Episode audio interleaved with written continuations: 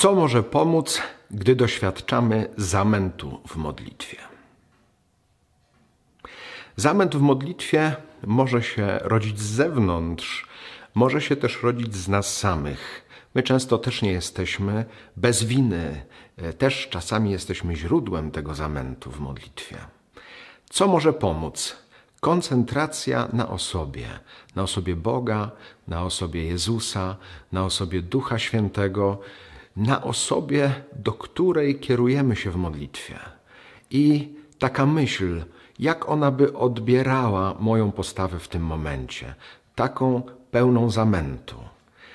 Właśnie spotkanie z kimś, kto jest osobą, z kimś, kto jest e, żywy, kto jest prawdziwy, e, jeżeli na to się zdecydujemy, bardzo często ten cały zamęt jest usunięty, bo wtedy nie chodzi o coś, czyli ten zamęt, tylko chodzi o kogoś, który jest ze mną, chce mnie słuchać, chce ze mną być na modlitwie. Koncentrujmy się na Bogu i na tym, jak On mnie odbiera. To bardzo często wystarczy, żeby usunąć zamęt.